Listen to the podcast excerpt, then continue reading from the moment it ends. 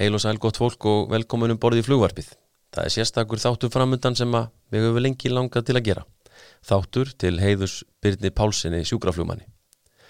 Og þótt maður þurfum við ekkert sérstak tilefni til svona þáttagerðar, þá gæti tilefni til dæmis verið að nú hefur ein af frægustu sjúkraflugulum sem Björn notaði um árabil verið gerð upp í síningarheft standa á flugsafni Íslands á Akureyri og fengið þar verðugan sess. Þar er um að ræða fjögur að sæta einsreifil sessnu 180 með enginnistafina TFHES. Flugvél sem ætið reyndist mikið happafar og Björn notaði til sjúkraflugs frá því vélinn var keft 1954 og allt til æviloka. Hér á eftir verður stiklað á stóru um ævi og störf Björns Pálssonar og við heyrum líka í Gunnari Heiðari Guðjónssoni flugmanni sem starfaði um tíma hjá flugþjónustunni undir handleyslu Björns Pálssonar á sjöunda áratögnum. Einnig heyrum við í Byrni sjálfum segja frá nokkrum af stórmerkilegum sjúkraflugferðum á sínum ferli og reynum um leið að kynast aðeins manninum sem var hóvær þjósagna persóna í lifanda lífi og frumkvöðl í sjúkraflugi á Íslandi.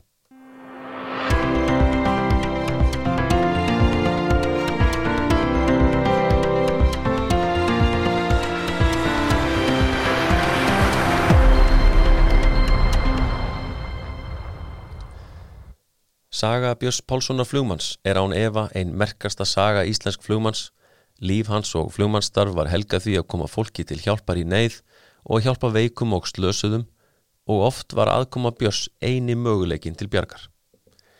Í tilefni af 40 ára afmæli flugs á Íslandi þann 3. september 1959 var í ríkisútvarpinu haldinn hátíðadaskrá og þar var einn dasgráliðurinn stutt viðtal við Björn Pálsson. Áður en lengri er haldið skulum við heyra hér hluta af engangi að þessu viðtali sem sínir glögglega í hvaða hávegum Björn var meðal almennings á þessum tíma. Það er Sigurður Magnússon, bladafulltrúi, sem kynir.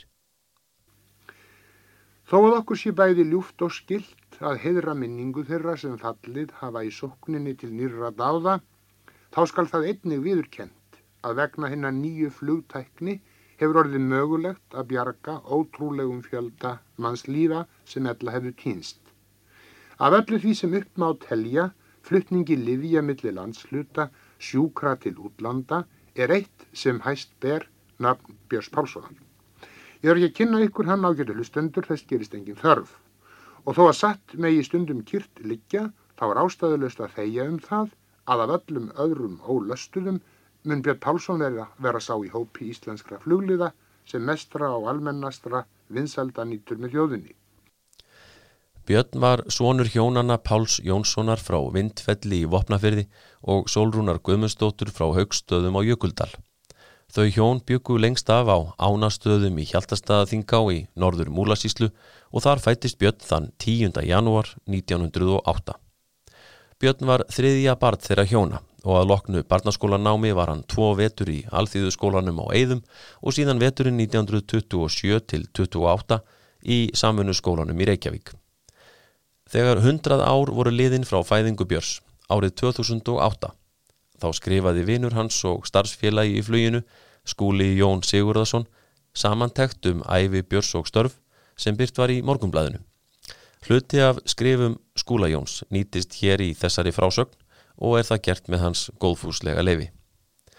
Í janúar árið 1970 var í ríkisútvarpinu byrtur þátturinn sjónhending um æfi og störf Björns Pálssonar og verða hér á eftir byrtir valdir kaplar úr því viðtali. Þar rætti Sveit Sæmundsson bladafulltrúi við Björn og hann spurði í byrjun samtalsins hvenar Björn hefði nú fyrst fengið áhuga fyrir fluginu. Ég hafði nú áhuga fyrir flugi svo lengi sem ég hafði heyrt að nefn en ég var einn af stopnendum Sveiflugfélags Íslands og uh, þar kveiknaði nú í mér fyrir alvöru áhugi fyrir fluginu. Björn starfaði sem bifriðastjóri hjá Ríkisbítölunum frá því upp úr 1930 þar til snemma á stríðsárunum að hann egnaðist sína eigin vörubifrið og vann meðal annars við gerð Reykjavíkuflugvallar. Starfsreynsla Björns af því að vinna fyrir ríkispítalana átti eftir að koma honum til góðs í sjúkrafluginu síðan meir því þar vandist hann því að umgangast og sjá sjúklinga í ímsu ástandi. Ásamt bifræða Akstrinum vann Björn við húsbyggingar allt til ástins 1951. En það var afar bátt atvinnu ástandið í landinu þegar Björn hafði lokið náminu í samfunnuskólanum 1928 og fór fyrst að leita hófana með vinnu. Jú, þá var mjög erfitt að fá vinnu. Ég man eftir því að ég var í halarógunum niður á höfninni þegar að atvinnuleysi var og gekk það með öðrum í hóp á eftir verstjórun til að vita hvort við getum ekki fengið vinnu. Svoleiðis var nú ástandið í þá daga. Sumarið 1936 örðu kaplaskipti í flugsögu Íslendinga þegar eldhugin og brautriðandin Agnar Kúfúð Hansen fóruð að láta til sín taka. Agnar skildi að byrja yrði á grunninum og rækta grasrótina en þá um sumarið stopnaði hann flugmálafélag Íslands og svifflugfélag Íslands. Meðal stoppfélaga Beggja var Björn Pálsson sem þá starfaði sem bifræðastjóri hjá Ríkispítalónum. En flugið átti hug Björns Pálssonar allan og kallaði á hann. Honum þótti svifflugið engar heillandi. Heyrim hér Björn sjálfan segja frá upphafsárunum í fluginu og um gildi þess fyrir flugmann að kunna svifflug. Það var nú Agnar Kófúð Hansson, flugmálastjóri sem nú er, sem var forgöngum maður í stopnun uh, Svifflugfélags Íslands og utanum uh, hann uh, hópuðsum við þessir menn sem höfðum áhuga fyrir flugið þegar hann fór að tala um stopnum þess og varð ég einn af þeim sem var stopnandi að Siflugfélagi Íslands. Og á hverju byrjuðu þið eftir að félagi var nú stopnað? Við byrjuðum fljótlega á því að smíða eh, sviflögu eða renniflögu sem við kallum og það var gerðist niður í þjóðlíkhúskjallara og eh, við klambröðum saman vel þarna nokkuð margir áhuga menn og eh, skutum henni á loft með tegjuböndum. Fóruðu þá upp á sandskeið fljótlega úr því að upp úr þessu að, að þessi rennifluga var komin í gagnið? Við byrjuðum með þessa renniflugu hérna í Vassmýrinni og skutum henni þar á loft og þetta var nú náttúrulega byrjandastarf og gekk á ymsu. Við fluttum okkur svo upp á sandskeiði, við vorum upp við Sauðafell og skutum sviflugunni þar fram af fjöllunum og það, það var hansi skemmtilegt sport. Til þess að ná vélinni á loft þegar það við orðið að bera hann upp, ekki sett? Jú, við erum að bera hann upp og það voru yngir latur við það því að þegar upp á brúnum var komið þá var náttúrulega hver fjekk nú að fara næstu bönu niður. Þetta var afskaplega interessant og, og unniða mikli gleði. Og var Agnar fyrsti kennarin í þessu, í Já. þessum hópi? Já, Agnar var fyrsti kennarin. Uh, hvað heldur þú að þín reynsla í sviflugi hafi haft að segja í sjúkrafluginu? Eh, sviflugið hefur mikla þýðingu fyrir flugmann. Maður sem hefur lært að svifljúa, hann hefur lært að þekkja loftströymana meðal annars sveipana frá fjöllunum og misvindana Hann veit líka hvar vindar blása upp með hlýðunum og getur notfært sér það og ymsanhátt. Aug þess hefur það mikið að segja vegna farþegana, bæði sjúkra og helbyröða að fljú ekki með þá í ókýru lofti og það er einmitt það sem sviflugi hjálpar upp á. Maður sem hefur lært að svifljúa, hann veit hvar ókýrt er og hann sneiðir fram hjá því þess vegna kemst hann miklu betur leiðar sinnar en henni sem ekki hafa lært sviflugið. Og þetta eru þá e, fyrst og fremst kunnáta og þekking á skýjum og skýjamyndunum sem að þar kemur til greinar, er það ekki rétt? Jú, það eru fyrst og fremst þekking á loftströymunum sem að hjálpar manni. Auk þess þegar að maður fer að líta á skýjin þá sér maður hvernig vindar liggja. Maður getur flóið til dæmis langar leiðir neðan undir skýjum í réttum eigin við vindin, vindstöðuna að skýjinu og útkomin svo að maður getur verið með vindin undir vangina, langar leiðir og þá eikst flughraðin mjög mikið.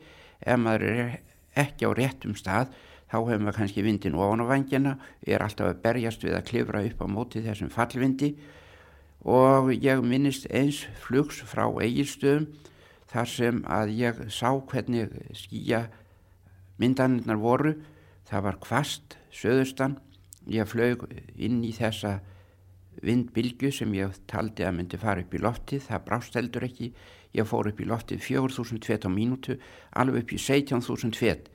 Þessari hæð held ég á mjög góðum hraða alla leið yfir undir Eirísjökul og reyndar aðeins lengra en þá þurfti ég að fara að komast niður og uh, það var ég að gera á þann hátt að fara hinn megin í vindbylgjun og þá fekk ég líka vindin niður um 4000 fet á mínútu. En uh, ég vil taka það fram, ég var eitt þarna um borð og hefði ekki gert þetta með nokkur uh, farþega eða sjúkling því að, að það hefði reynd ítilega á hlustinnar en ég sem er vanur finn ekkert fyrir því. Hafður þú súrefni? Nei, ég hafði ekkert súrefni að þetta var nú ekki langur tími sem ég var í þessu, ég hafi verið svona 20 mínutur og það er eins með þetta eins og annað að maður venst tölverst að fljúa í hæðum, sennilega vennjast lungun því að vinna úr lofti innu súrefnið, jáfnvel þó sétt allt átt uppi og við veitum það jú að fólk lifir góðu lífi í tölverðum hæð frá sjáarmáli. Björn hafði árið 1937 keift hlut í tveggjasæta engaflugvel af gerðinni Blackburn Bluebird. Flugvelin var í fyrstu með enginnistafina G, A, A og flög fyrst hérlendis í júni 1937. Stöfum hennar var breytt í TF, L og A, Lóa, eftir að Björn kom til sögunar. Í desember sama ár, 1937, hóf hann að læra vélflug á þessa flugvel hjá Agnari Kúfuð Hansen, þá flugmálaráðunaut ríkisins. Björn hlaut svo fyrstu flugréttindi sem veitt voru hér á landi þegar hann laug fyrstur Íslendinga einliða prófi í flugi hérlendis þann 30. ágúst 1938 og fekk þá sólóskýrtinni nr. 1. Hann fekk svo engaflugmannsréttindi á Íslandi einnig fyrstur manna sömuleiðis hjá Agnari 19. júni 1939. Ég læriði að fljúa á Bluebirdin og kennarar voru Agnar Kófuð Hansson, Sigurd Jónsson, Björn Eirísson og svo læriði ég eitthvað hjá þessum þýsku mennum líka.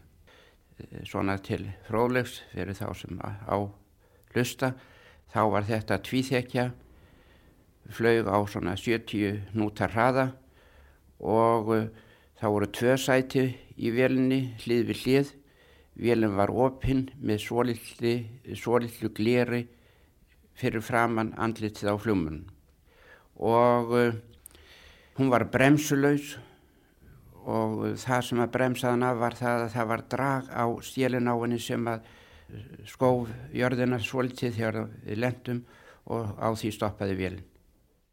Og á þessa Bluebird vél sem Björn Pálsson lísti hér að framann tók hann bæði solopróf og engaflugpróf.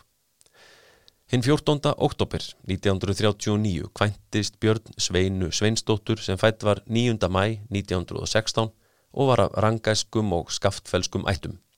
Nokkru fyrir brúðköpið eða í byrjun ágúst fór Björn með Sveinu sína í ringferðum landið á Bluebird-vélini TF Lóa. Aðal tilgangurinn var að heimsækja fjölskylduna austur í Skriðdal og kynna henni Sveinu. Þetta flug var mjög merkilegt í flugsögunni og er með því fyrsta, ef ekki fyrsta, engaflug sem farið var á Íslandi. Í kjölfarið á hernámi breyta hérlendis árið 1940 var allt sportflug í landinu bannað. Flugvél Björs var læst inni og hann gatt því ekkert flogið á stríðsárunum. Hann hafði enda í nógu að snúast, ný kvæntur maðurinn að stopna fjölskyldu og koma sér upp heimili. Börn þeirra hjóna urðu fjögur og þótt fjárráðin væru af skornum skamti og bröðstritið krefjandi fyrir heimilisföðurinn þá tókst Byrni samt að koma upp húsnæði fyrir fjölskylduna. Það er svo ekki fyrir en eftir stríðið að Björn byrtist aftur út á flugvelli til að æfa sig og taka upp þráðin í fluginu. Árið 1948 sannaði Björn að allt er færtugum fært þegar hann reðst í það einn og óstuttur að kaupa litla tveggja til þryggja sæta danska einsreifis flugvel TFKZA af gerðinni KZ3. Hann hugðist stunda aðtunnuflug með þessari flugvel á samt byggingavinnunni. Málinn þróuðust fljóðlega þannig að brátt var leitað til Björs um að sækja sjúklinga út á land og í desember 1949 fór hann fyrsta sjúkraflugið vestur að Reykjólum á Barðaströnd. Ég hafði verið að leika mér á þessari vél eh, vitt um landið og komið nokkuð viða við. Þessi vél þurfti máttu segja enga flugbraut og ég gæti lent á svona smá melum hér og þar og ég hafði oft komið að reykólum í barðastanda síslu og svo skeiði það rétt fyrir jólinn að eh, pressfrúin á reykólum vektist að botnangakasti all, allar leiðir á bílum voru ófærar og hún þurfti endilega að komast til uppskurðar og nú vissi fólkið að ég hafði lent þarna og gall lent þarna og ringdi mig og spurði hvort ég geti ekki komið og sótt konuna. Ég snaraðist að sjálfsögðu vestur á minni vél, þetta var nú klukkutíma og 40 mínútur að fljóða þessari vél. Við erum nú ekki nema 40 mínútur að fljóða þetta í dag á litli vélunum okkar og svo kom konunum borðið vélan og hún var að sitja, plásu var ekki meira en það og síðan var flóið með hana til Reykjavíkur og hún skorin upp. Þetta var 7. desember 1949. Eh, Svo það er komin rúm 20 ár síðan það skeiði. Þetta fyrsta sjúkraflugbjörs vakti aðtikli og um það var töluvert ritað í blöðum í framhaldinu sem opnaði augu almennings fyrir þessu möguleika. Fór svo að á sínum fyrstu árum í sjúkrafluginu flutti Björn 50 til 60 sjúklinga á ári. Um 20 árum síðar, í kringum 1970, var þessi tala komin í 200 til 220 á ári. Voru þá ótaldar ferðirnar sem hann fór til aðstóðar við leitað fólki í neyð eða með flutning á livjum og læknum þegar áþurft að halda. Það voru náttúrulega blöðin sem að, að heldur þessu lofti og opnuðu augu almennins fyrir þessum möguleika. Útkomar svo að það var verið að ringja til mín og ég var að reyna að fljúa með sjúklinga sem var næstum ógerlegt eh, þegar sjúklingarnir voru mikið veikir eða slasaðir að láta þá setja upp á endan í svona þraungri vél. Útkoma var svo að ég var, fór að hugsa um að fá mér aðra vél og stærri. Og það gerði ég, ég fekk uh, lilla vél Ástir Mark 5 og hún gætt tekið sjúkrabörur og það bjargaði nú ansi miklu. En þetta var þó allt of burðarlítil vél og uh, þó að hún væri ekki dýr þá kostaði hann þó dálitið í þá daga. Slísvarnafélag Íslands kom mér, uh, með mér til að bjarga málinu og við áttum svo sama þessa vél til 54 og þá fengum við okkur sessnu 180 og það hefur nú verið eh, drifst flóið á þeirri vél. Hún er til ennþá. Björn, þegar að þú áttir þína fyrstu flugvél eftir stríð, kásetuna þá fórstu í mörg sjúkraflug. Er þeir ekki eitthvað minnistætt eh, frá því tímabili? Mm, jú, ég fór í allmörg sjúkraflug í mitt á kásetunni og eitt af þeim fór ég austur á Borgarfjörð Eistri. Það var að sumarlægi og ég var heppin, það var gott veður og þegar ég kom austur á Borgarfjörð eftir að hafa flóið í fjóra klukkutíma þá uh, sá ég að staðurinn sem ég átti að lenda á var svo lítill tónblettur mátti segja undir barði og uh, ég flög þarna nokkra ringi yfir og nýtt miðaði að hitta þetta nú nákvæmlega á blá brún uh, tónsins sem var rétt á árbakka. Og þetta tókst ágætlega, ég lendi þarna og, og af því ég var nú vél sem að gæti lenda á mjög stuttu þá var þetta nú auðveldara. Svo var komið litla stúlku þarna og hún var með botlanga kast var mjög mikið veik. Ég eh, tók þessa litlu stúlkum borð og uh, móður hennar sem stóð þarna vildi að sjálfsögðu koma með en það var sko ekki nokkur plás fyrir hana. Svo að ég mátti skilja hana eftir á túninu. Mér fannst þetta svo stutt þarna e, bletturinn sem ég var á að ég treysti mér alls ekki að komast í loftið aftur nema að það væri svoli til góla. Ég fekk þess vegna einn til að standa svona skáhald frama við vélina og halda á vasaklúknum sínum og láta mig sjá þegar að uh, gólan kæmi og blési í klútin. Ég beð þarna góða stund og sá lóksins að nú blési í klútin og gaf þá botn bensín og ætlaði þjótt á stað. Eitthvað kokaði nú mótorinn um leiðu ég fór á stað og ég varði að hætta við flugtækið. Ég hóf, fóð svo í flugstuð aftur og nú beð ég í rólihittum lengur og lóksins kom svol til góla og ég gaf mótorinn og seinasta augnablikinu þegar ég var að koma út af tónblettinum þá gæti liftvélinni upp aðeins eitt fett eða svo og flöyt hefur karturblugarða sem voru framöndan nú þar með hóst ferðin til Reykjavíkur. Það gekk mjög vel. Ég flög eina fjóra klukkutíma aftur til Reykjavíkur og uh, að sjálfsögðu uh, var tekið á móti barninu með uh, sjúkrabíl og flutt á landsbítalan og skorið upp við botlangunum. Þetta var ein minnistað ferð og sérstaklega fyrir mig að ég eh, sá það að það var afskaplega erfitt að þurfa að skilja eftir e, móðurinn að þegar að badnið fyrir farveikt í burdu. Aðstæður til flugs af því tægi sem Björn stundaði voru svo sem gefur að skilja, oftar en ekki afar erfiðar í fjöllóttu og strjálbyggðu landi við óblít og síbreytilegt veðufar. Útköllin og beðinir um flug komu fyrirvara lítið jæmt á nóttu sem á degi og í öllum veðrum og oftar en ekki þegar flestar aðrar bjargir voru bannaðar. Á fyrsta áratögnum sem Björn stundaði sjúkraflug út á landsbyðina voru leiðsögukerfi og staðsendingatæki, ekki jafnöflug og örug og síðarvarð. Heyrum hér hvað Björn sagði í viðtalinu við Svein Sæmundsson í Ríkisútvarpunu árið 1970 um tækjabúnaðin. En um, það voru náttúrulega mjög ta takmörku tæki sem ég hafði, svolítið ég gætt takmarka gert af því sem maður gerir í dag.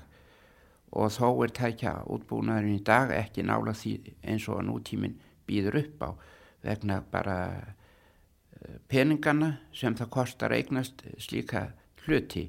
Nú eh, er flógið bæði á nóttu. og að degi til og það er flógið þó á milli vita og það hjálpar afskaplega mikið. En í sjúkraflugul nútímans þyrti að sjálfsögðu að vera til radar. Þar sem mann sjá bæði fyrði og, og fjöll og geta haft hann til aðstóðar, sérstaklega þar sem ekki eru vitar til þess að hóma á. Þú myndist á það að þóttu tækjabúnaður væri betri og flugkosturinn allur annar heldur en í öndverðu þá hefðir þú að gefur að ráða þeim, þeim tækjum til sjúkraflugsins sem nútíminn byði upp á. Hvað hefur í huga? Já, það er nú eh, best á að tala um útbúnað eins og ég tel að þýrt að vera. Það þarf að vera radar á sjúkraflugvél.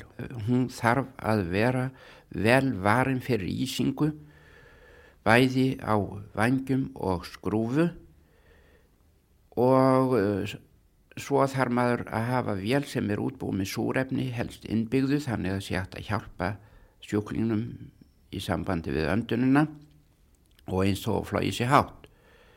Það er líka eitt, við höfum ekki nógu stóra vél ef að slís berað höndum þar sem margir uh, meiðast. Ég hef til dæmis orðið að taka í uh, vorið mitt sem ég kalla sex sjúklinga úr einu bílslisi og uh, þið getið bara rétt gert ykkur í hugalund hvernig það muni vera. Það geta sex setið í vélinni en ekki leigið að sjálfsögðu. Nú ég varði að taka öll sæt úr vélinu og, og leggja fólkið í flatseng á golfinu og þetta var einn hræðileg uh, meðferð sennilega þó gerði það sitt besta en þetta endur tekur sig aftur og aftur að það er alltaf að koma svona stór slís við þurfum að hafa stærri vél þar sem við getum líka haft læknir og, og hjókunarkonu og ímsa aðstöðu sem oft er nöðsynleg. Nú um, það er líka þessar þurf, vélar þurfa að hafa langt flugþól og alveg sérstaklega maður fer til annara landa eins og Grænlands eða jáfnvel til Færaja. En e, þetta er ekki fyrir hend í dag. Það er engin e, ís ísvarnartæki, engin ísvarnartæki á, á vorinu eða, eða neitni vel sem ég á og þau eru mjög dýr, það er ekki ratar og það er orðið takmarkað af öðrum tækjum þó ég hafi að vísu eh, radiokompása og, og talstöðvar að samt sem áður mætti búa þetta e, all miklu betur út en er í dag. Björn vann eins og áður sagði við húsbyggingar á samt fluginu allt til ásins 1951 en þá snýr hann sér alfarið að fluginu og flugurekstur varð starf hans þaðan í frá til æviloka. Þetta ár 1951 kefti Björn með hjálp Sliðsávarnafélags Íslands þryggja sæta einsreifis flugvélina TFLBP af gerðinni Oster 5 og árið 1954 kefti hann á samt Sliðsávarnafélaginu flugvélina TFHES fjögra sæta einsreifils 1680 sem reyndist allatíð einstakt happafar og hann notaði til sjúkraflugs allt til æviloka. Sett voru skýði undir vélina þegar svo bar undir og það kom sér oft vel í vetraraðstæðum. Engjennistafirnir HES vísuðu til þess að hið Íslenska steinolíufélag styrti kaupin á vélinni með miklum myndarskap. Þessi flugvel var síðast notuð hérlendis á vegum flugklúpsins Þits allt fram á fyrstu ár þessarar aldar en var síðan flutt til varveislu á flugsafni Íslands með stuðningi frá Æslander Group. Björn var lengi vel einirki í flugstarfseminu og rak hana heiman frá sér. Sveina Sveinsdóttir konans annaðist alla afgreðslu varðandi starfsemina árum saman. Á nóttu sem degi tók hún við skilabóðum og beðnum um flug og hún fyldist alltaf með flugferðum Björns hvar hann væri stattur, hvenar hann væri vantalegur á ákvörðunastað eða heimaftur. Víst er að henni hefur ekki alltaf verið rótt þegar Björn fór í skyndi í erfitt flug, veður válind og lendingastadur ekki alltaf hindryggasti. Sjúkraflugið reyndist þeim ekki ábátasamt. Óhætt er að fullir það naumur fjárhagur setti rekstrinum og kaupum á nýjum tækjum og búnaði skorður en haksíni og óeigingirni og ekki síst áhuga samt fært og duglegt starfsfólk voru styrkur flugþjónustu Björns Pálssonar flugmanns. Spurður um hvernig Björn hefði farið fjáraslega út úr þessu starfi í viðtalinu 1970 vafðist honum aðeins tunga um tönn. Það er nú það. Það er nú eins og að maður vil ég nú síst vera að segja frá þessum hlutum en sannleikunum sá að ef að ekki hefði komið fleiri til uh, mér til aðstóðar þá væri þetta nú sennilega ekki orðið gott. Ég uh, má til að nefna það að fyrir fimm árun síðan kom flugfélag Íslands til aðstóðarsjókra fluginu og kefti 60% í eh, flugþjónustinu HF sem við stopnum þá. Þa, það lagði þarna fram all stóra uppæð sem ég lít þannig á að hafi verið gerð fyrst og fremst til þess að halda sjókrafluginu gangandi. Aðstóðu Flugfélags Íslands hefur þess vegna verið mjög þýðingar mikill þáttur í eh, sjókrafluginu á setni árum þar sem að þeir lögðu nú fram heilmikið kapital í byrjun og, og síðan hafa þeir reynd að styðja við bakið á flugþjónustunni með viðskiptum eftir því sem mögulegt hefur verið. Björn Pálsson var um langa hríð náinn ráðgjafi Agnes Kúfúð Hansen flugmálastjóra þegar gerðar voru og mertar flugbröytir fyrir sjúkraflugið vitt og breytt um landið á sjötta og sjöunda áratug síðustu aldar. Árið 1970 hafðu verið mertir um 80 sjúkraflugvellir vitt og breytt um landið og reyndast að setja það á þannig að snjó skóf af þeim á vetrum. Þannig minkaði verulega þörfin á að nota skýðin í sjúkrafluginu eftir því sem mertum lendingarstöðum fjölkaði. Í sjúkrafluginu lendi Björn á fjölmörgum og ótrúlegustu stöðum á melum og túnum út um landið og á mörgum stöðum hafði flugvel aldrei lend þar áður og kannski aldrei síðan. Að næturlægi var reynd að lýsa upp lendingasvæði með bíljósum eða óljulugtum. Þegar svopar undir var leitað aðstóðar hjá bændum og öðrum sem byðu á staðnum með þann sjúka til að lýsa aðstæðum og jafnvel merkja skásta lendingastaðin með einhverjum hætti. Þetta gerði fólk af bestu getu og samvisku að Sognbjörns en stundum bar þar eitthvað út af því fólkið hafði ekki þekkingu á hvaða aðstöðu þyrti fyrir flugvelina til að aðtapna sig. En þessi viðleitni heimafólks gatt þó oftast nær forðað byrni frá því að lenda á girðingum eða í skurðum á svæðinu. Já, það gera það vissulega oft að snar var þetta með uh, ágætum. Það kom að vísi fyrir og ég man eftir einu tilfelli þar sem ég kom á stað hér uh, norður og ströndum og ég var að sækja þar veika konu og ég uh, talaði við bóndan á staðnum og hann saði mér að það væri á tveimur stöðum hægt að lenda þarna. Öðru tilfellinu væri það þvert á vindin sem væri þarna en það var snjór á túninu og ég sá nú ekki vel hvað sletta var. En í hennu tilfellinu var það upp í vindin en þá þurfti ég að fara yfir girðingu og undir símalínu í lendingunni. Nú og þetta var svo sem allt í lægi ég kom þarna og sá undir eins að þetta var alveg rétt, það var miklu betra að lenda upp í vindin og fara yfir girðingun og undir símalínuna. Og þetta gerði ég en þegar ég er svona uh, vel lentur og er fann að skoppa eftir jörðinni þá hoppar vélinn hátt upp á einhvern rygg og kemur svo niður aftur og svo stoppar hún og ég hugsa með mér það best að vera ekkert að uh, keira á þessum ósléttum fyrir en ég er búin aðtöða og lappa tilbaka og detta ofan í klófdjúpan skurð sem ég hafði hoppað yfir. Það hafði verið handgrafin skurður þarna sem var fullur á lausamjöld og uh, mókaði mitt upp á bakkan þeim einn sem ég kom rúlandi að og uh, hjólinn rákust á uppgröftin og hoppuð upp í loftið og yfir skurðin og þar með slapp ég og við erum óskemd út frá öll saman. En uh, hvernig fórstu það að fara á loft aftur? Nú, ég sagði þetta var nú ekki gott að, láta mig lenda þarna yfir skurðin. Já, en þú áttur ekki lenda á milli þessara staurabila, það voru næstu staurabil fyrir norðan, þá var skurðinu búin, sagður, og það var rétt. Björn Pálsson flugmaður veitti íbúum dreifðra og afskektra byggða öryggistilfinningu og átti vafa lítið mikinn þátt í því að halda mörgum bæjum í byggð þar til örugt vegasamband komst á. Björn egnaðist ekki aðeins aðdáundur og vinu um allt land því hann fór ótaldarferðir til Grænlands og sótti þangað bráðveika sjúklinga.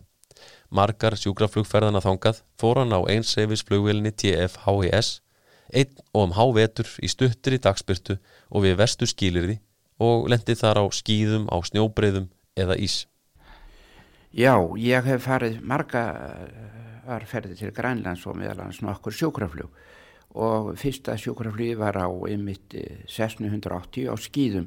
Þá flög ég til eh, Skorisbísson og uh, mér var fyllt að flugvil frá varnarleðinu því að ég hafði ekki einu sinni kort til þess að fljú eftir, það var ekki til hér og það var ekki hægt að grípa þau upp að snemma mótnindags þegar maður ætlaði að fara og svo var nú talið réttara ef ég hrindi niður einhverstar á leiðinni að vita þó hvar ég væri til þess að geta komið mér til bjargar ef það veri hægt. Nú sjálfum síndist mér nú að það veri svo sem ekki mikið hægt að gera því áður en okkur hjálp værist ef að illa færi þá þá hefði ég verið steindöður í sjónum því að hann er kaldur þarna norður frá og, og það var auður sjórum megin hlutan á leiðinu norður. Nú þetta gekk ágætlega, ég hef nú ekki haft þá trú að mótur sé alltaf bíla og þó maður takir sér til og fljú eina þrjá fjóra tíma yfir sjó þá tel ég það ekki stór hættulegt. Hins vegar hef ég haft það fyrir fasta reglu að fljúa ekki yfir sjó oftar og meira en nöðsynlegt er. Um daginn þá uh, fóru til Ingimar Sveinbjörnsson í frækilegt sjúgraflug til Grænlands og fóruð á stóri vel frá landriskjæslunni. Um þetta hefur verið mikið skrifað og, og talað í Danmörku. Já, þetta hefur verið mikið blásið út í blöðum úti. Frá mínu bætirum séð var þetta nú ekki neitt stórkostlega merkilegt. Það er að vísu uh, hægt að setja sig í spór þessara manna sem eru þarna norður frá í öðninni og hafa enga aðstöðu og enga hjálpar möguleika. Þetta hófst með því að ringt var til mín frá Sidri Strömfyrði klukkan 2 um nótt og beðinum að reyna að sjáum að bjarga þessum manni sem væri þarna með slemt botlangakast og það væri einasti möguleg í kynna bjargunum væri að flytja til Reykjavíkur. Þetta var klukkan 2 um nótt sem var ringt til mín og ég var svo í símasambandi, beinu símasambandi við þá í Sidri Strömfyrði og uh, Það var nú svo slemt að veðri var alveg kolbrjálað þarna norður frá. Það var kvínandi rók og mikil snjókoma, skikni ekki meina 200-300 metrar yfirleitt. Og fyrst talaði ég við flugfélag Íslands um að fá Douglas DC-3 til að fljúa þetta flug. Og það var undir eins fengið. Douglasin stóð hér alltaf tilbúin. Ingimar Sveinbjörnsson átti að vera fljómaður á honum. Og hann var líka alltaf tilbúin við aðtöguns og veður. Á þryggja klukkutímum fresti allan sólarhingin og Ingimar var mjög áhugsamur og passaði vel upp á þetta. Og svo kom að því að það batnaði eitthvað lítstáttur veður í Danneborg og þá eh, sá Ingimar sem var fullur á áhuga og vilja á því að klára þetta spursmál að Douglasin hafði ekki flugþól Eh, til Danneborg og tilbaka aftur. Svo að hann eh, snýr sér þá til Pétur Sigurssonar og spurði hvort að hann mætti ekki fara á þeirra vél DC-4 og var það auðsótt mál en Ingimar uh, flýgur þeirri vél núna fyrir landtilskessluna í veikindaforföllum uh, Guðjóns sem venjulega flýgur vélinni. Nú við fórum svo á stað og þetta gekk allt saman ágætlega Vélinn er búin út með öllum nútíma tækjum með tveimur radartækjum auk alls konar navigation tækja og við höfðum lítið fyrir því að rata þetta þó við sæjum hverki út úr augunum fyrir þetta vélina og við fórum niður úr skíjónum á radar og hæðarmælum og komum niður rétt uh, söður af, uh, af Danneborg en þegar við komum niður þá var skíahæðin ekki nema 300 fett og um, skipni mjög lélægt. Við vissum alveg nákvæmlega hvar við vorum og flögum þarna að fjardarminninum en sáum það ekki greinilega vegna þess hvað skikni var vond. Flögum aðeins yfir fjardarminnið og komum að ströndin hennum megin, sáum þá að við værum, vorum komnir yfir fjörðin og snýrum inn, við inn í fjörðin en þar inni var veðri miklu betra og það gekk svo ágætlega að lenda, Ingimar lendi þarna afskaplega skemmtilega og vel og við stoppuðum ekki mótoruna augna blik því að um leið og við stoppuðum þá komi menninni hlaupandi með sjóklingin og hann var látin inn í vélina og eftir fimm mínútur vorum við komin í loftið aftur og lagður á stað til Reykjavíkur. Þessi vél hefur alveg sérstaklega mikið flugþól, allt upp í 16 klukkutíma og uh, það var þessum mjög auðvelt að fljúa þessa leið á henni. Þið voru þarna rétt í ljósa skiptónum? Já, það vorum við. Við vorum alveg eiginlega að ég til á seinustu mínútonum sem hægt hefði verið að fljúa sjónfljóð þarna inn í fjörðin. Við hefðum að sjálfsögðu geta lent við ljós á hvaða tíma sem var en í svona þröngum fyrði þá er ekki hægt að aðtapna sig ef maður sér ekki landslægi kringum sig en ég held að dimmi miklu hægara þarna norður frá. Það er lengur uh, uh, dagskíma eftir að sólinn er gengin undir. Og við sáum sæmilega vel fjöllið þegar við fórum það og hafði eiginlega ekki dimmt mikið að mér fannst síðasta hálftíman Í heilan áratug flög Björn eins reyfisflugvilum sem ekki tóku nema eitt sjúkling og lækni eða fyldarmann. Kalla mátti það byltingu þegar tveggjarhefla flugvilin TF Vor af gerðinni Beats Twin Bonanza kom til skjálana árið 1960. Björn stopnaði á samt flugfélagi í Íslands fyrirtækið Flugþjónustuna HF árið 1965, gerðist framkvæmdastjóri þess og rak það til döðadags. Hann hafði nokkra flugmenn í vinnu síðasta áratugin sem hann lifði og fyrirtækið gerði út nokkrar fleiri tveggjarreipla flugvilar. Eitt þeirra flugmanna sem hóf sinn feril hjá flugþjónustu Björns Pálssonar á sjönda áratögnum var Gunnar Heiðar Guðjónsson. Gunnar lauk sínu flugnámi árið 1963 og vorið 1964 ægsluðust málinn þannig að hann fekk inni hjá Byrni í flugþjónustunni þá 22 ára gammal. Gunnar flög á eins reyfils hestnu 180 TF HIS og tveggjarheflavílinni Beach Twin Bonanza TF War. Verkefnin voru æði fjölbreytt alls konar leiguflug, áallunarflug, ásamt sjúkrafluginu sem var jú kjölfestan í starfseminni. Heyrum hér næst Gunnar segja aðeins frá þessum tíma.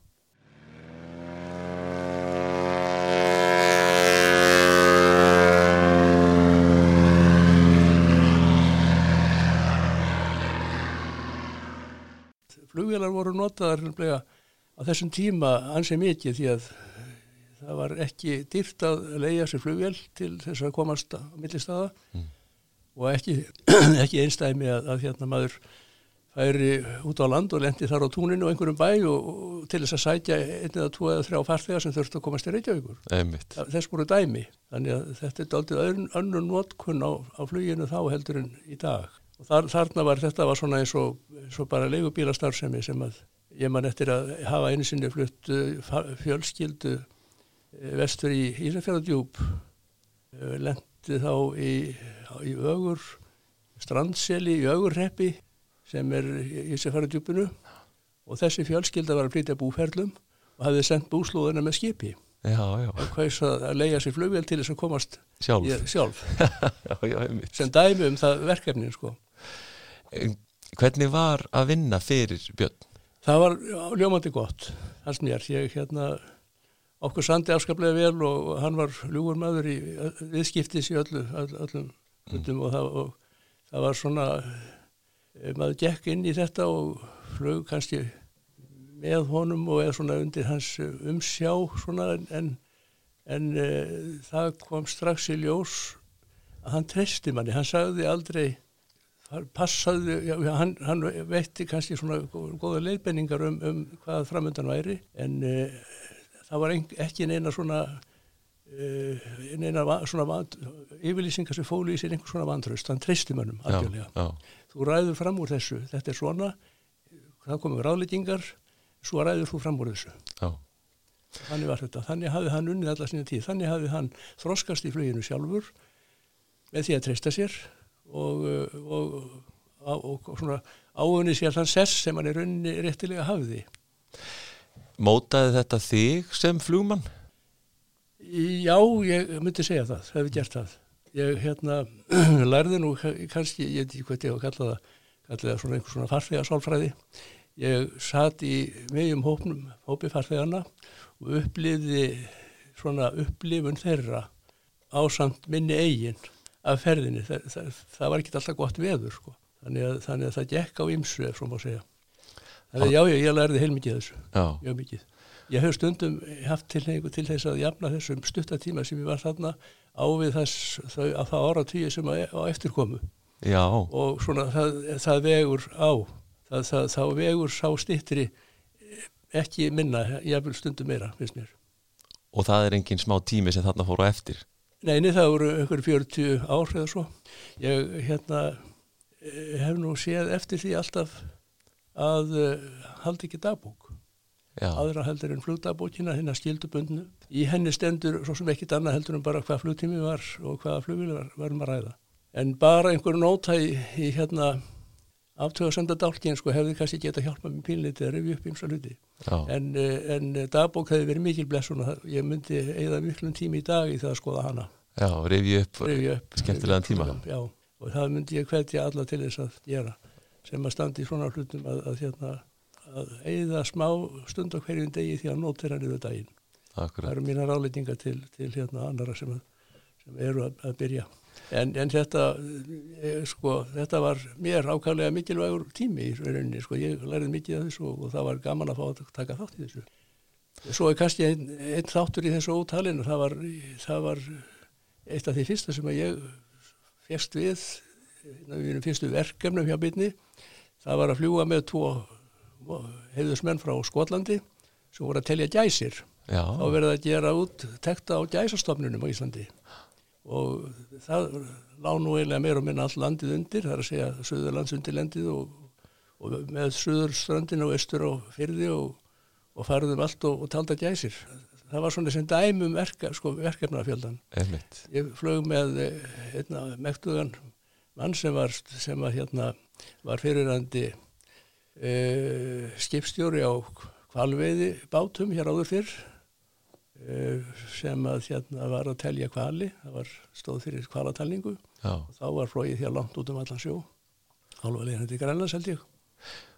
Og varstu þá á 180 í nei, þessu? Nei, það, það var 180 var notað í gæsatalninguna en, en tvinnbónansa var notað í kvalatalningu og hún var líka notað til þess að fljúa með landingiskessluna svona í viðlegum í sambandi við eftirlit, og, eftirlit og, og, og það sem því fylgir já, já. þá var, var áhöfn frá gæslunni sem, sem satt með sínar tæki og tól og sextanda og tók hornamælingar og þannig var þetta gert í gamla daga En maður veldi fyrir sér samanbörðunum á og aðstöðumununum á sjúkraflugi nú og þá, þetta er náttúrulega orðinir ansið margir áratýr, en við þekkjum það í dag að þetta eru, þetta eru mjög góðar öflugar flugvilar, tveggjar heibla með tveimur flugmönnum um, sjúkraflutningamadur í það minsta með í för. Hvernig var svona aðstæðan eins og til dæmis í 180 Hún var, var ansið mikið ólík eins og hann er um að geta. Það var, það var allt raunstæðara í, í þann tíð og uh, það má ég get nefnt til dæmis eitt dæmi sem var, var nú svona svona svolítið erfitt viðregnar það var, ég var einhver tíma á leiðinni á sessnunni hafði verið að flytja einhvern sjúkling vestur á Snæfellsnes og var komin hérna við Mýratnar á bakaleiðinni. Þá kom uh, bóð um flugumferðarstjórn að, að fara til fara austur í uh, vestur húnavarsíslu, það var lendingastadur hérna við nárat Melstað í miðfyrði Krókstaðamelar hétt hétt flugvöldurinn og sækja þangasjúkling og ég þangað.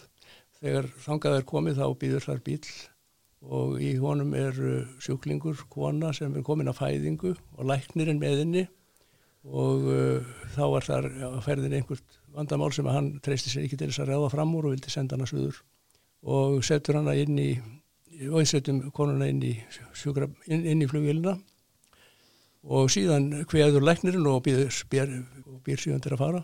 Ég held að hann myndi koma með og, og spurði hann svona hvert að væri meiningin að senda konuna eina í þessu ástandi og hann saði sem svo að já við erum nú ekki til skiptana hérna og, og kvættu og fór. Ég, þetta verður allt í lægi, saðan ég er búin að gefa henni spröytu og, og hún mun fá svona þrjá hríðir en þetta verður allt í lægi. Og það er nú kannski skemst frá því að segja að blessu konan uh, var í einni stór hríð í rauninni alla leiðina og það var ansi löng leið yfir Holtaverðu heiðina þá og Norður á dalurinn var mjög í, í, í lengra lægi fannst mér, ég, hver mínúta var eins og eilíð að, að hérna, setja við þessi skilir og geti ekki veitt neina hjálparhönd ef, ef áþurfti að halda. Nei. en svona var þetta, þá var, þá var fólk sendt í þessu ástandi. Þetta bjargaðist nú alltaf sem betur fór. En sko fyrir þá sem ekki vita, náttúrulega 1680 fyrir svona venjulegt fólk í dag þá virkar það ekki sem stór flugvel Nei, nei, hún er lítil. Það, það var hægt að taka einn farþega með. Sjúkra börurnar voru þannig að þær tóku upp uh, annað framsætið og helmingin á aftursætinu. Mm. og þá var flugmaðurinn satt náttúrulega fram í vinstra framsætinu. Og þá var hægt að hafa hjálpar aðila með sengatsætið í aftursætinu við hlýðin á á börunum, á börunum og, og sint þá hinnum sjúka Já. að einhverju leiti. En þetta var ekkit alltaf gert eins og þú segir? Nei, nei, þetta var nú kannski sjálfnast gert. Og oftast þá bara flugmaðurinn og sjúklingur? Já, já, saman. ég man eftir öðru tilviki þar sem að þið fóru östur að borgarhefni Suðursveit og sótið þangað unglingspill með botlangabólgu, kom þurft að koma honum tilbaka og þar var eh, ekki um neitna ræða til þess að fara með og strákur var bara hýfður um borð og svo var lagt að stað og það var ferðið af esna veður lagða, kom upp á landinu og, og þetta var uh, mikið basla að komast með strandinni í svarta þóku og, og regningu þangað til að fóra að byrsta aðeins þegar að komið var vestur fyrir Eyjafjöld en, uh, en svona var bara lífið. Og sko þegar að menn eru kannski búin að búa um sjúkling með einhverjum hætti á slista þá var þetta verið oft á tíðum örglega aldrei erfitt að koma viðkomandi síðan um borð. Já, það gæti komið fyrir. Ég get nú kannski nefnt eitt til, tilfelli að þá, þá þurfti að sætja sjúkling austur að Vík í Mýrdal á bjórnum og fallum degi mitt sumar. Flugvöldurinn í Vík er um það byrjum 15 km fyrir austan Þorpið og þar, þar lendi og þá er búið að búa um konur sem hafi lærbrotnað og þurfti að flytja til Reykjavíkur sem búið að búa um hann á hurð. Það var ekki læknir á staðnum en, en, en einstaklingur sem að hafði tök á og hafði, hafði lagnir til þess að, að gera þetta svo vel væri gekk frá konunni á hurðinni með, með svona, svona pókum og einhverju sem að til þess að stíða við brotið, þetta var lærbrot. Og uh, svo til að til að taka þá komst hurðin ekkert inn í flugilina þannig það var það að ráða fram úr því og það var gert þannig að við tókum þessum sem það voru á staðnum, nótuðum allar hendur sem til voru til þess að taka konuna upp á latinu sem hún lág á af hurðinni og setja hana á börur sem til eru flugilinni með náttúrulega með þeim afleiðingum að brotið mun og eitthvað það jaskast til og konan leiði náttúrulega mikla þjáningar með hann á þessu stóðin það var ekki mann að ræða. Svo gekk þetta nákvæmlega að komast í bæin Og þetta hefur þá verið þannig að sko sjúklingurinn liggur þá með, með fætur við hliðina á, á flugmanninum Já, það, þannig var það í sessninu já. já. það var svolítið öðruvís í, í, hérna stærri vélinni tvinnbúnansa vélinni Það. Það var meira plás, þar var svona bekkur og var alveg mjög vel byggð fyrir þessa hlutninga því að það var bekkur fyrir aftan flumaninn langsum sem var, sem var það langur að, að þar var þetta leggja börnar og þá var sæti þar við hlýðina mm -hmm. og svo var það þá tvö sæti við hlýðu flumans líka fram í svo þess að það var Já. hún var einlega mjög vel löguð fyrir, fyrir svona hlutninga Var þetta þannig á þessum tíma eins og maður kannski sko í svona, getum sagt, á öðrum góðæris tímum í fluginu að þetta hafi verið svona ákveðin útungunastöð fyrir Þið voru meira að stoppa stutt við og fara já, stutt, í stoppuð, já, flugfélagsins og loftlega. Já, já, já, það var þannig að flugskólanir, við kom, komum inn í flugskólan og, og, og uh, lærði þetta á, ásand á, frá hendi þeirra sem voru næsta kynsluð á undan, sko, mm -hmm. menn kendi þarna hver öðrum, það var svolítið þannig, það var, það var ekki einhver eilíðar kennari sem að, hérna, kendi þarna áratugum saman. Nei það var bara næsta kynsluða undan sem kendi næsta kynsluða eftir og síðan þegar að það var mikil þróun í fram, fram þróun í, í flugina þá loftliðir og sérstaklega voru að stækka og flugfélagi náttúrulega bæta við sér líka á þessum árum uh, upp úr 1960 þá var mikil vöxtur í fluginu af heimsvísu held ég með ég segja. Og uh, við fórum ekki var hluta því. Þannig að það var það voru ekki margi sem gengum um á rampinu svona eftir stóra ráðningar sko Nei, með hendur í össum Þetta voru skemmtilegi tímar, það var mikil framþróun í fluginu og, og hérna velgengni hjá loftliðin til dæmis, það var hérna stór, stór, mikil, mikil veldi ár hjá þeim sem sköpuð mikil auð til framtíðarinnar. Þú nefndir hérna með, með HES, það væri merkileg flugvel. Já, já, hún er held ég að hljóta að vera teljast merkileg og hún hefur dugað svo gríðarlega vel, það hefur aldrei, svo ég, svo ég viti leggst á, allt hefur hefnast um á henni verið gert. Hún er aldrei svikið neitt og nú er þessi heiðurs mattama komin í örugt skjól og vonandi vonandi hérna kemur ekkert fyrir hann úr þessu. Nei, mitt en hún fái bara, hún fái bara hérna hæga elli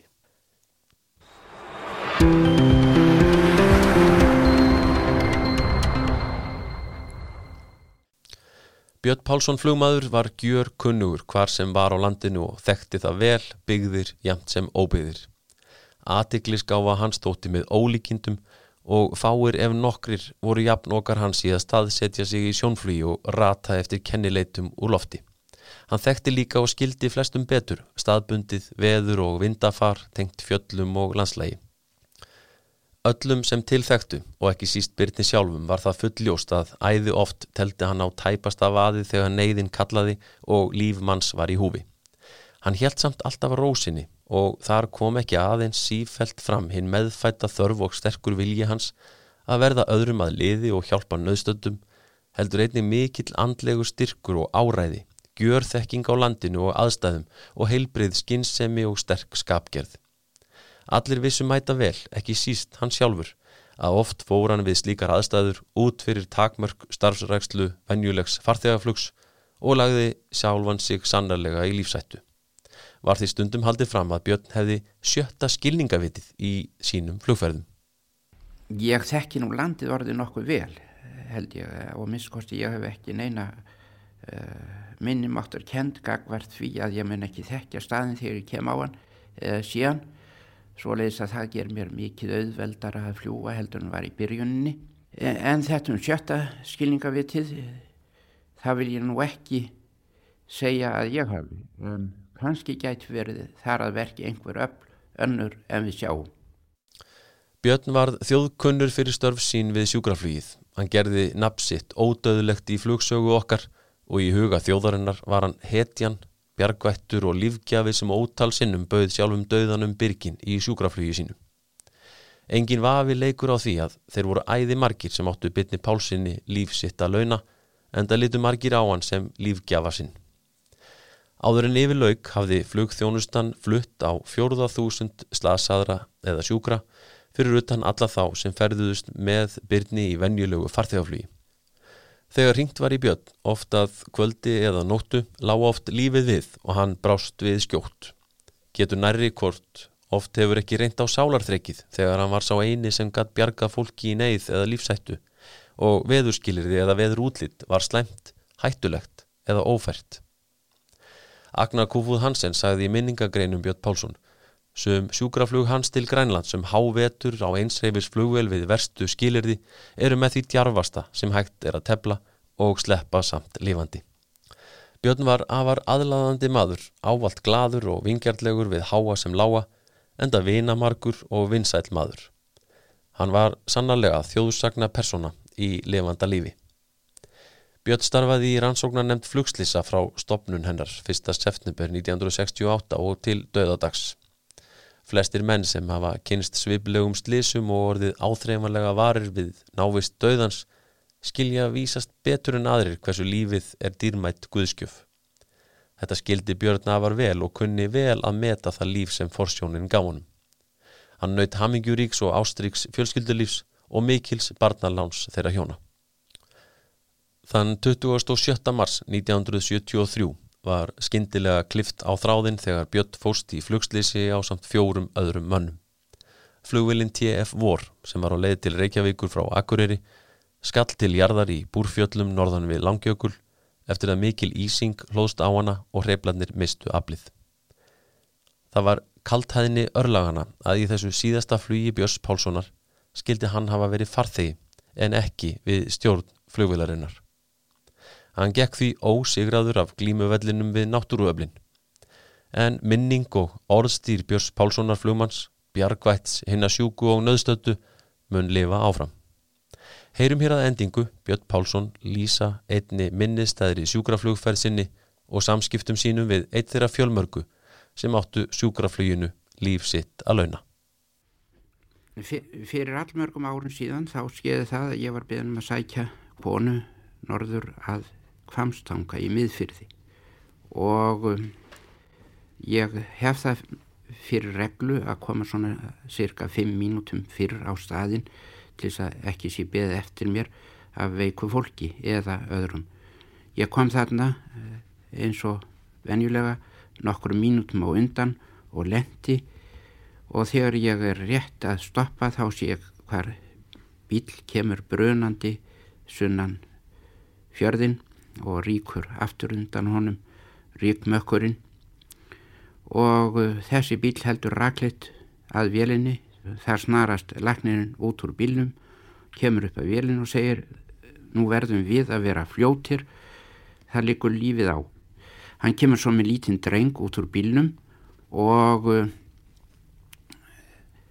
hleypur með hann inn í vélina til mín og ég segi þá við hann en heyrðu ég var að sækja hérna veika konu. Já hún er nú ekki svo veika hún get ekki beðið segir læknirinn og þetta er upp á líf og dauða og við verðum að koma okkur stað eins fljótt eins og hægt er. Þar með uh, kom hann inn í véluna og ég startaði mótornum og við fljóum á stað.